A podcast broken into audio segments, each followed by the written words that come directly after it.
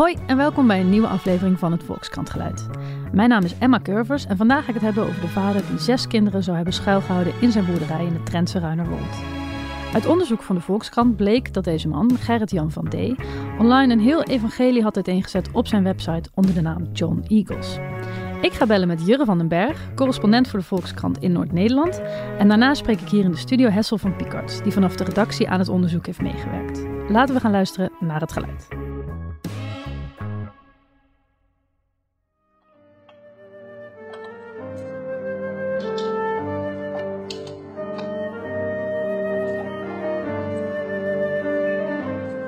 Nou, we horen hier de klanken van, nou ik meen een klarinet. Um, het is de achtergrondmuziek van een filmpje waarin we Gerrit-Jan van D. Uh, bezig zien uh, op een zelfgemaakte roeimachine. Uh, Gerrit-Jan van D. is de vader van het gezin dat teruggetrokken leefde in de boerderij in Ruinerwold en dat vorige week wereldnieuws werd. Ja, ja hoe, hoeveel tripjes naar Ruinerwold heb jij er inmiddels op zitten? Ja, gek genoeg eigenlijk maar één. En dat is ook wel wonderlijk. Die plaats die staat heel centraal in, in dit verhaal. maar zoals je ook al aan uh, dit filmpje hoort, uh, dat verhaal bleek zich uh, ook op veel andere plekken af te spelen. Ook dus op internet, waar deze Gerrit-Jan van D. dit filmpje deelde gewoon op Facebook. En dat is denk ik ook wel interessant aan dit fragment. hij leefde ogenschijnlijk een heel teruggetrokken leven met zijn gezin. En negen jaar lang keerde zij zich af, zoals het nu lijkt, van de, van de moderne samenleving. Maar ondertussen zet hij dus wel een filmpje van zijn dagelijke dagelijkse lichamelijke oefening eh, voor iedereen zichtbaar op Facebook. Hey, is, dit nou, is dit nou de spannendste klus van jouw carrière? Nou, wel, wel uh, laat zeggen, inspirerend in, in de werkwijze. Dat is, dat is echt wel uh, voor mij uh, iets nieuws. En ook dat het zo vruchtbaar blijkt om met zulke onderzoeksjournalisten samen te werken. Ik heb één keer eerder, was trouwens ook in een samenwerking, uh, veel artikelen geschreven over de commissaris van de Koning Rente, die toen moest opstappen. Um, er was een wat aardse zaak over integriteit. Maar toen was het ook heel erg dat je het gevoel hebt van dat je midden in zo'n storm zit. En dat je vol op de golf of hoe je het ook wil noemen. Dat is, uh, maar ik vind dit veel inspirerender omdat ik ook allerlei thema's zie. Weet je. Hoezo ook, inspirerend dan? Nou, haast vanuit een literair perspectief vind ik het inspirerend dat zo'n vader beschrijft hoe hij zijn kinderen opvoedt. En uiteindelijk dat ook um, eigenlijk zijn weegs vindt. Doordat hij zo'n uit een soort van ontdekkingsreis naar die buitenwereld toe ook tussen aanhalingstekens de val van die vader en misschien wel de val van het paradijs van die vader inluidt. Uh, ja. Want dat lijkt toch te zijn gebeurd doordat die jongen zijn eigen ontwikkeling volgde en naar buiten trok en de politie liet bellen. Uh, zit die vader met zijn gezin niet meer in die boerderij. Voor wie, voor wie het niet gevolgd heeft, nog heel even kort. Uh, het verhaal, dus het begon met de 25-jarige zoon Jan die in de kroeg kwam. Uh, die daar een beetje verward verhaal ophing over de situatie op zijn, uh, op zijn landgoed, op zijn boerderij. De politie werd gebeld. Uh, die gingen kijken en die troffen daar een klusjesman aan die niet echt mee wilde werken. Die is opgepakt. een beetje later de vader ook. En er zouden dan zes kinderen afgesloten van de buitenwereld hebben gezeten. Dat is even de korte samenvatting, toch? Ja, ja, ja. ja. en dat nieuws kwam naar buiten via RTV Drenthe. De politie bevestigde dat ze die mensen hadden aangetrokken. En als je dan in Ruinerwold aankomt bij dat adres, zie je in eerste instantie uh, 15 auto's langs het kanaal staan waar die boerderij aan grenst. Uh, van fotografen met name die daar met hun telelensen op het toegangsbruggetje staan. Um, dat zijn meestal journalistiek gezien niet de momenten waarop je echt uh, het nieuws uh, kunt vinden. Uh, wat wel heel nuttig is, is dat je kunt praten met omwonenden. Hè. Hebben jullie ooit geweten dat daar een gezin woonde? Hoe kennen jullie deze mensen? En toen vertelde zij al wel van, nou, we zagen wel de klusjesman, zoals zij hem noemde, met zijn oude Volvo daar af en aanrijden. Ze vertelde ook dat uh, die man bezig was met het, uh, met het verbouwen van die oude boerderij. Ze hadden net deze zomer bijvoorbeeld het dak helemaal vernieuwd. Maar het ligt heel erg afgelegen en uh, buren die wonen daar ook op 100 meter afstand of zo van elkaar. Um, dus dat moet je wel op kunnen tekenen als verslaggever, want dat is natuurlijk wel een groot raadsel. Hoe, hoe hebben zij zo buiten het zicht van omwonenden uh, kunnen blijven? Want, want wat maakt dit verhaal nou zo uniek? Ik denk dat de fascinatie voor dit verhaal voortkomt uit het uh, feit dat mensen zich zo afkeren van het leven dat door, door jou en ik, door heel veel andere mensen geleefd wordt midden in de samenleving. En tegelijkertijd kun je afvragen hoe uniek dat eigenlijk is, dat mensen zich terugtrekken. Want in de loop van de geschiedenis zijn er altijd individuen en groepen geweest um, ja, die, zich, die zich terugtrokken, die, die streefden naar een, naar meer zelfvoorzienend bestaan in, in, met de natuur. Um, maar het is ook een constante dat er altijd heel veel verwondering over is geweest. En ik denk dat dat gegeven wel heel erg aanspreekt, zeker in combinatie met de vraag hoe dat mogelijk is in een tijd dat we zoveel sporen achterlaten. En um, ja, dat het, dat het toch ook wel ergens wonderlijk is dat je nog uh, onbespied kunt, uh, kunt zijn. Ja, het spreekt wel toch tot de verbeelding. Hè? Het is bijna een beetje filmisch. Ja, het is denk ik ook. Uh, ja, zeker. Het, het, het, het, is filmisch en, en verhalen ontstaan ook en speculatie ook, zeg ik er meteen bij, op het moment dat er weinig bekend is. Mensen gaan dat dan invullen, hebben er misschien ook eerder uh, gelijk negatieve associaties mee dan, uh, dan positieve. Mm-hmm. En wat wij heel erg geprobeerd hebben van, we willen niet meegaan in die speculatie. We willen geen ja. psychologen bellen over hoe het mogelijk zou kunnen zijn met die kinderen. We wilden uh, sporen zoeken, feiten achterhalen en die proberen te duiden. Ja. dat vonden wij onze taak in, in dit dossier. Ja, want is, dat een risico dat je dan te veel gaat invullen, omdat het toch een beetje uitnodigt tot allemaal sensationele theorieën? Hoe zoek je daarin dan je, je weg? Ja, dat is aanvankelijk heel moeilijk. Hè? Zeker omdat uh, je overgeleverd bent ook aan de informatie die de politie geeft. Die was heel schaars. Voor de gemeente gold hetzelfde.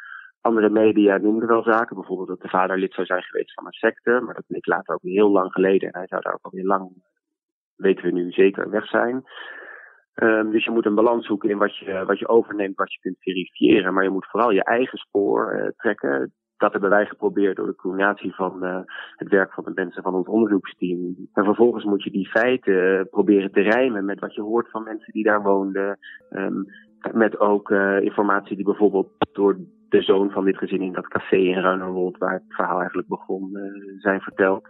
En zo is het echt, zo is het, zo is het echt een, een combinatie van methoden die je gebruikt om, om vast te stellen wat we echt zeker weten en wat dat dan uh, betekent. Kijk, het, het leek eerst uh, alsof de situatie vrij, uh, vrij duidelijk was in de zin dat er sprake was van vrijheidsberoving en, en dat het daarmee eigenlijk wel gedaan was. Dit is Hessel van Picard. Hij deed hier vanaf de redactie onderzoek naar de identiteit van Gerrit-Jan van D.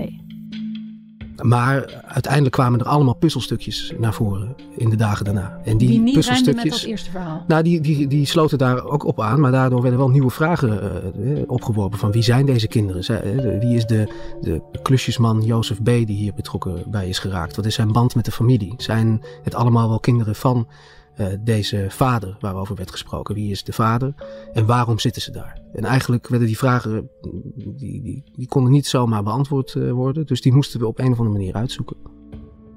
Nou, we hadden een, een naam van, uh, van, van de zoon. Hè? we wisten op een gegeven moment wie, wie hij was. We hadden zijn sociale media bekeken, waardoor we een beeld konden krijgen van wie, wat zijn drijfveren waren, um, hoe hij in elkaar zat. Uh, we hadden ook een naam, uh, of we hadden ook, het was ook bekend dat de man inmiddels uh, twee winkelpanden bezat, de vader van het gezin. En ook, dat kan je opzoeken bij de KVK? Ja, of niet, precies, dat kan je opzoeken bij de KVK. Dat kwam ook op een gegeven moment verder naar buiten. De politie deed daar een inval. Um, en die bleek hij te huren met, met, met Jozef B. Um, dan, daarnaast hebben we nog via het kadaster kunnen vinden dat dezezelfde man, de vader van het gezin, we hadden inmiddels een naam, um, dat, dat hij ook een stuk grond in Staphorst uh, bezat. En dat stuk grond, dat wilde hij gaan gebruiken. Dat is na onderzoek van, uh, van Jure van, van den Berg te plaatsen. Om daar een soort gemeenschap uh, op te richten. Ja, en eigenlijk, heen gegaan, ja. die is daar naartoe gegaan. Ja, en, en dat soort, al die puzzelstukjes, die vielen op een gegeven moment samen in een soort wereldbeeld van deze, deze mensen. Wat je een klein beetje kon gaan zien. En ook uh, de, de, het beroep van, van deze mensen, wat ze, wat ze deden in die winkelpanden. Hè. Ze, ze maakten houten speelgoed. Ze, uh, ze waren bezig met ecologisch wonen, uh, ecologisch uh, op verschillende manieren eigen, zelfvoorzienend te werk gaan ook. Ja, en op een gegeven moment zei, zei Jurre daar, daarover, en dat was wel een mooie uitspraak. Volgens mij moeten we hier gewoon het hout volgen. Hè? Ze, ze maken, zijn bezig met, ze hebben handels in brandhout, in eh, het maken dus van houten speelgoed, van eh, het ecologisch wonen met, uh, met het gebruik van hout. En daarin zitten een aantal lijnen die je uiteindelijk kan, kan uitzoeken in het kadaster, in de KV, bij de KVK en uiteindelijk ook op sociale media. Want als je dan het hout volgde, dan. Ja, dan kom je uiteindelijk via via op verschillende profielen en op verschillende mensen die hierbij, die, die, die in ieder geval een band hadden met, met dit gezin of met deze, met deze Jozef B. ofwel de vader. Ja, maar wat tot de verbeelding sprak was natuurlijk dat hele evangelie van de John Eagles waar mhm. jullie op zijn gestuurd. Hoe kwam dat verband dan tot stand? Ja, nou, dat, daar kan ik oprecht niet uh, alles over vertellen. Uh, dat gaat op een gegeven moment via via als je, uh, je spreekt met verschillende bronnen daarover. als je eenmaal een, een, ingang hebt gevonden ook ergens. en uiteindelijk komt daar een, stuit je dan op iemand op een persoon, op een profiel online, waarvan je na, na een paar uur kijken op een gegeven moment kan bedenken van nou, dit kan wel eens een persoon zijn, misschien wel de vader van dit gezin. En ja, dat leidt je weer af aan de inhoud van het profiel. Komt dat overeen met wat we tot nu toe aan puzzelstukken hebben opgelost? Hè? En dat zijn dan bijvoorbeeld teksten die op de website stonden van de winkelpanden, van, van de winkel van deze twee, twee mensen. Of bijvoorbeeld foto's en dronebeelden van eh, de boerderij. Hè. Er stonden foto's op het profiel van deze, van deze man, eh, John Eagles, die overeenkwamen met, uh, met de dronebeelden die we hadden gezien. En dan heb je eerst, eerst hadden jullie dus het Facebook profiel. Eerst hadden we het Facebook profiel van, van Gerrit-Jan van D. En later kwam daarbij de Eagle Wiki, of hoe noem ik moet ik het zo noemen? Eagle, Eagle Rock Wiki? Eagle Rock Wiki. Eagle Rock Wiki. Ja. En, en, en hoe vond je die er dan bij? Die stond uh, op het Facebook profiel oh, eigenlijk uh, geheel openbaar. Het was één groot open boek bleek ook. Toen we het eenmaal hadden gevonden, bleek het eigenlijk uh, heel open te zijn. En bleek hij heel veel de wereld in te sturen. verschillende berichten die, die gingen over zijn eigen kijk op de wereld en op religie. En hoe weet je nou dan zeker dat die Gerrit-Jan van D, dat dat John Eagles is? Hoe verifieer je dat? Dat is een moeilijke zoektocht. Daar hebben we ook lang over gedaan. Of in ieder geval een paar, paar dagen echt uh, diep ingezeten. Want je wil uiteindelijk inderdaad gewoon een, een 100% eh, met 100% zekerheid kunnen zeggen dat het die man is. Uh, Kijk, je kan wel inderdaad zien op een gegeven moment, oké, de foto's op dit profiel lijken heel erg op de boerderij in Ruinewold. We kunnen misschien wel zeker zeggen dat het daar is, maar dan kan nog steeds deze man misschien een, een andere persoon zijn. Je weet het niet zeker. Dus er is heel veel onduidelijkheid over het onderwerp. Dus uh, je moet alles checken hierin. Ja. En dat doe je dus door, uh, ja, door, door inderdaad te kijken naar die teksten die hij schreef op de Eagle Rock Wiki. De teksten die hij schreef op zijn eigen profiel. De teksten die hij uh, de wereld in verspreidde met verschillende podcasts. Die hij door andere mensen overigens liet voorlezen. Um, en uiteindelijk zie je dan dat die teksten overeenkomen met bijvoorbeeld de teksten die hij schreef op uh, de site van zijn winkels. Uh, soms bijna letterlijk. Um, dan heb je dus een goede aanwijzing dat het om dezelfde persoon gaat. Want het zijn vrij unieke teksten die er ook uh, in staan, die verder nergens online te vinden zijn. Met een eigen wereldvisie, een eigen combinatie van verschillende geloven, maar ook een combinatie van verschillende ideeën over hoe, hoe, een, hoe de wereld eruit moet zien nadat we die speelgoedwinkel hebben gevonden en dat landgoed um, waar hij die utopie uh, voorzien had, um, maar waar dat niet, van de grond kon komen omdat hij geen vergunning daarvoor kreeg om daar iets te bouwen, um, stuiten we eh, op, ja, ik, ik heb het zelf uh, beschreven als uh, niet een pagina op Wikipedia, maar eigenlijk een heel eigen Wikipedia, een alternatief Wikipedia, waarin zij zijn hele spirituele gedachtegoed uiteen heeft gezet. En dat is een, een heel wonderlijk gedachtegoed, waarin hij allerlei spirituele, religieuze, maar ook hele aardse zaken het beschrijft eigenlijk als een moderne monnik, heeft hij daar dat gedachtegoed vastgelegd in uh, wat hij zelf zegt. Ja, het is eigenlijk een soort gids voor het, voor het goede leven en voor het streven naar een, betere wereld. Ook in dat, in dat toch voor sommige mensen misschien wat maffe uh, spirituele gedachtegoed van deze vader zit wel heel duidelijk het motief ook van, van, de, van de eigen ontwikkeling. En dit was best een redelijk wijs en uh, belezen man die veel wist over bijvoorbeeld over de natuur, over bepaalde historische tijdvakken, over culturele tradities. Kijk, er was al vrij snel een beeld van dat, het, dat dit een secte was die wacht op het einde der tijden. Maar als je die pagina's leest, vinden we er helemaal niks van terug. Um, er zitten heel veel teksten tussen die, die veel mensen uh, gek zullen vinden. Hij beweert bijvoorbeeld ook dat hij uh, bezoekingen heeft gehad, openbaringen heeft gehad van toonaangevende engelen. 52 in totaal. Ja, er zullen heel weinig mensen zijn die, die dat geloven, maar het zegt wel iets over, nou, over, over zijn uh, spirituele ervaringen. En veel mhm. teksten gaan toch over hoe mensen met elkaar om zouden moeten gaan, zouden zich zouden moeten verhouden tot God. Maar daarin zagen we al die verschillende religies terug. Het klopte eigenlijk wel met wat we tot, tot, tot dan toe hadden gevonden van deze man. Want ehm, hij heeft dus hij heeft ook andere dingen online geschreven, kwamen we al achter op, zijn, op de website van zijn winkels die hij had. Dus in ecologisch wonen en dat, uh, dat houten speelgoed. En dat waren ook, daar, daarin was, dat was eigenlijk geen normale winkelsite. Daarin vertelde hij ook eigenlijk al een verhaal over wat hij wilde, wat voor soort winkel hij wilde oprichten en, en wat voor een businessmodel nou een goede en hoe noem je dat, duurzame manier is om een, om een winkel eh, te, te onderhouden. En ook het landgoed in Staphorst had al het kenmerk van uh, we gaan hier een bepaalde uh, ja, gemeenschap stichten met uh, en, en ook, ook biologisch, um, biologische landbouw hier, hier hebben. En uiteindelijk komt er ook een beeld naar voren over wat, wat heel erg aansluit op wat je uiteindelijk op zijn profiel ziet. Hè, met, met verschillende Ehm, pagina's, verschillende websites die vooral gaan over ook het, uh, het um, tips over bijvoorbeeld tuinieren, tips over, over hoe je op, een, op een duurzame manier dat kan, kan doen en op een goede manier. En ook um, een aantal aanwijzingen die je, die je hebt op de website van Wiki, hoe heet het, Eagle Rock Wiki, die ook aansluiten en gewoon letterlijke citaten zijn van wat er op de sites tot dan toe was gevonden.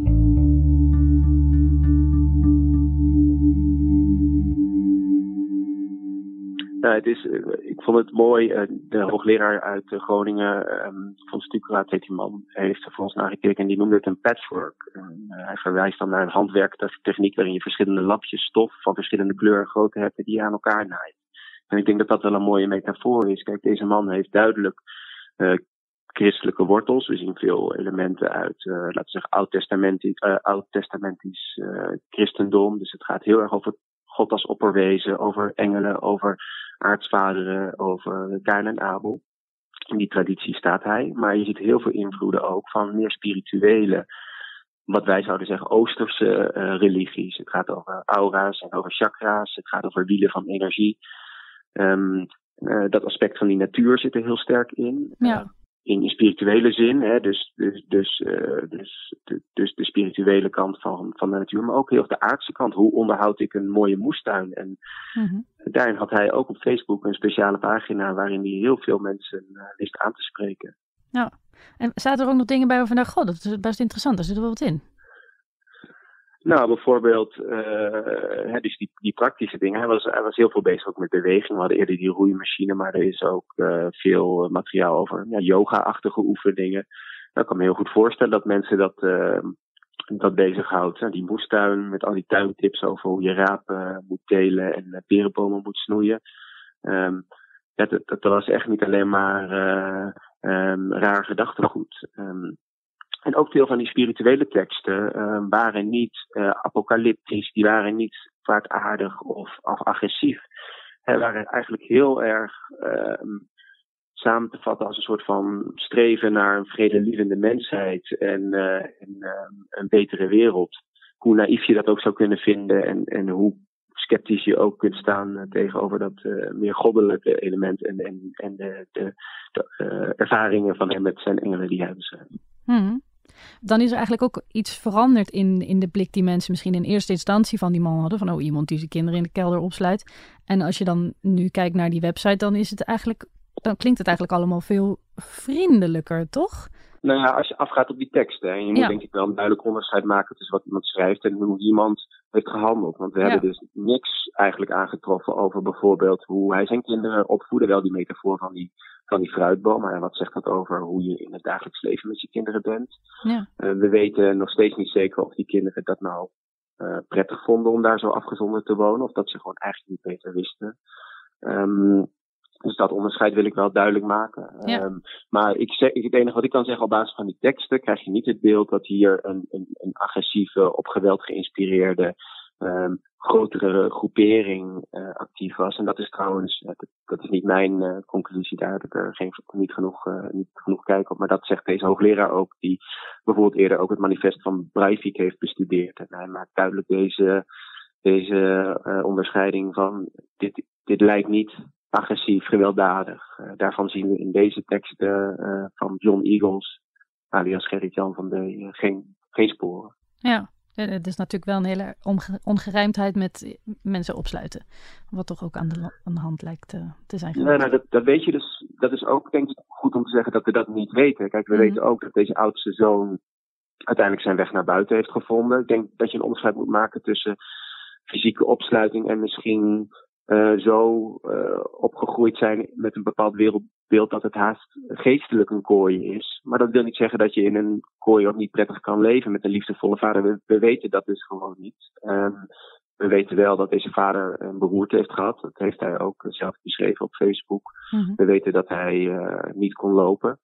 En we weten dat deze Oostenrijkse klusjesman die dat pand huurde er wel vaak was, maar ook vaak niet. Dus ja, dat lijkt er toch op te duiden dat als deze inmiddels allemaal voor de duidelijkheid volwassen kinderen misschien hadden gewild, uh, ze ook weg hadden kunnen gaan. Maar misschien was dit gewoon hun wereld. En uh, daarom ben ik daar heel terughoudend in om, om daarover te oordelen. Ik denk ook dat dat nu uh, de zaak van het Openbaar Ministerie is, die wel duidelijk een verdenking tegen deze man heeft wat betreft het vrijheidsberovende aspecten.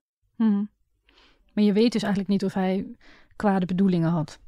Nee, en dat is het moeilijk. Kijk, hij kan zelfs hele goede bedoelingen hebben gehad, uh, omdat hij zo'n mooie wereld uh, in klein nastreefde. En tegelijkertijd anderen daar natuurlijk schade mee uh, hebben berokkend. Zeker aanvankelijk, omdat die kinderen toen ook nog minderjarig waren. Maar dat, dat weten we niet, daar moeten we voorzichtig in zijn. En wij hebben ons altijd voorgehouden, we moeten beschrijven wat we weten. We weten dat deze man deze teksten heeft geschreven. We weten dat hij dat heeft gedaan terwijl hij daar in in die boerderij zat.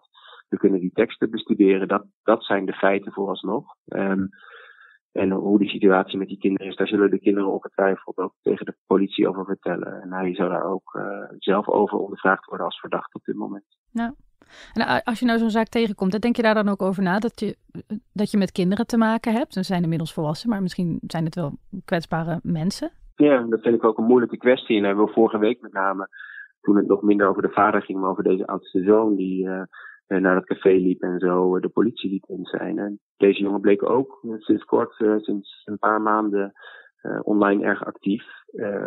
heeft daar ook sporen achtergelaten die iets zeggen over nou, ook zijn wereldbeeld. Hij had ook veel over, misschien iets aardser dan zijn vader, maar wel veel over het klimaat. Had ook een grote duidelijke voorliefde voor, voor bomen. Toen vond ik het wel een dilemma dat we ook goed gediscussieerd hebben van moeten wij um, uh, hier uh, rugbaarheid aan, aan geven en op welke manier doe je dat? Mm. En uh, dat, dat is, oké, okay, het is nu een volwassen man, jonge man van 25 jaar, maar ja, je stelt je ook voor dat hij ook alweer een plek in de samenleving uh, moet geven. En ik vind wel dat je dan als journalist ook voorzichtigheid moet betrachten en ja, dat, dat wel in je achterhoofd moet houden. En tegelijkertijd je werk moet doen, waarin een maatschappelijke kwestie die, die verder gaat dan het particuliere. Hè? Want noemde eerder al die vraag van hoe kan je in deze tijd nog zo teruggetrokken leven? Dat moet je wel aan de orde stellen en dat moet je wel onderzoeken. Nou, vanochtend schreef uh, collega Frank Heijnen in zijn tv-column. Uh, goed beschouwd is er maar één werkelijke reden om elke dag weer op Ruinerwold terug te komen. In de krant, op het journaal en in talkshows. Collectieve sensatiezucht. Wat vind je van die uitspraak? Ja, ik denk dat Frank uh, ook uh, wel beter zou moeten weten als het gaat uh, over de traditie waar deze mensen in staan. Hè. Ik probeer dat eerder te duiden dat er natuurlijk altijd een fascinatie is geweest voor mensen die zich, die, die zich terugtrekken. En ik gebruik het woord fascinatie, niet sensatie. Um, ik vind dat wij echt op een zorgvuldige manier hebben geprobeerd het wereldbeeld van deze man, wat je, wat je er ook verder van mag vinden, toch moet, moet aanmerken als wonderlijk, proberen te duiden. Um, ik vind dat wij terughoudend zijn geweest als het gaat om, om heel persoonlijke zaken. Maar ja, ons werk is ook onze nieuwsgierigheid volgen en wel steeds afvragen van heeft dit uh, maatschappelijke implicaties? En, en, die zijn er natuurlijk wel. Hè? Want hoe kan het bijvoorbeeld dat uh, dit gezin zomaar van de aardbodem verdwenen leek, uh, niet bekend was bij instanties? Dat vind ik wel heel re relevante vragen. En ik vind wel dus dat je, daar moet ik van wel uh, misschien een beetje gelijk geven. Je moet je wel altijd die vraag stellen van is dit echt relevant en uh, moeten we elk detail uh, benoemen. En dat is ook je, je arbeidsethiek, denk ik, als journalist, dat je daar juiste afwegingen in maakt. Maar het gaat mij veel te ver om dit alleen als, als sensatiezucht af, af te doen. Dit is een wonderlijk verhaal en journalisten zijn ook de, de boodschappers van verhalen. En, die rol moeten we, moeten we ook serieus nemen.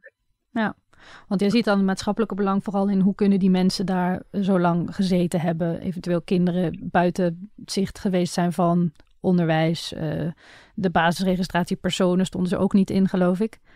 Ja, dat vind ik, vind ik relevante journalistieke vragen. Maar toch ook het verschijnsel uh, dat iemand zo'n eigen religie kan formuleren. En dat uh, ook die eerdere tegenstrijdigheid tussen dat teruggetrokken maatschappelijk bestaan en dat, dat zo rijke, florerende digitale leven. Dat vind ik wel hele actuele kwesties in, in tijden waarin um, ja, privacy een onderwerp van discussie is. Um, en waar ook uh, toch veel wordt nagedacht over, over de betekenis van, van geloof in het openbare leven.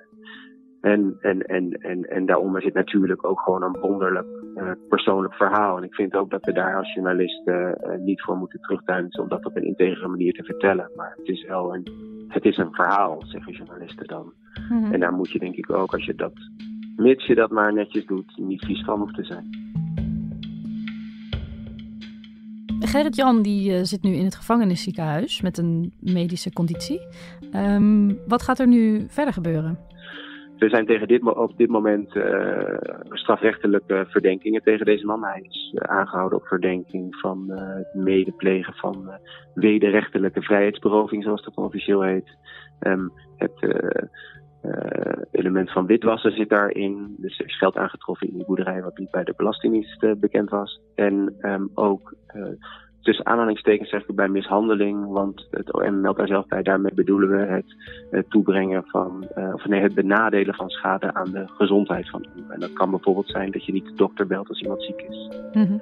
Daar lijkt heel waarschijnlijk op dit moment dat daar dus uh, uh, ooit, want je weet nooit precies, maar dat daar dus een strafrecht, een rechtszaak van komt. Ah, er zijn wel een, wel een aantal vragen die, nog, die, die er natuurlijk nog, nog zijn.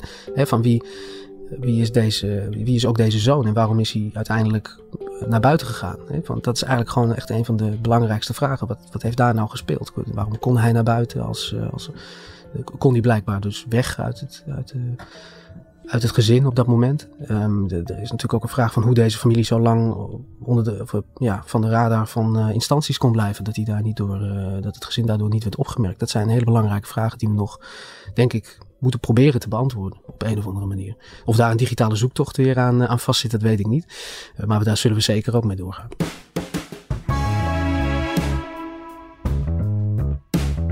Dit was het Volkskrant Geluid. Super bedankt voor het luisteren. Geef ons een hartje, geef ons een likeje, geef ons een review en tot de volgende.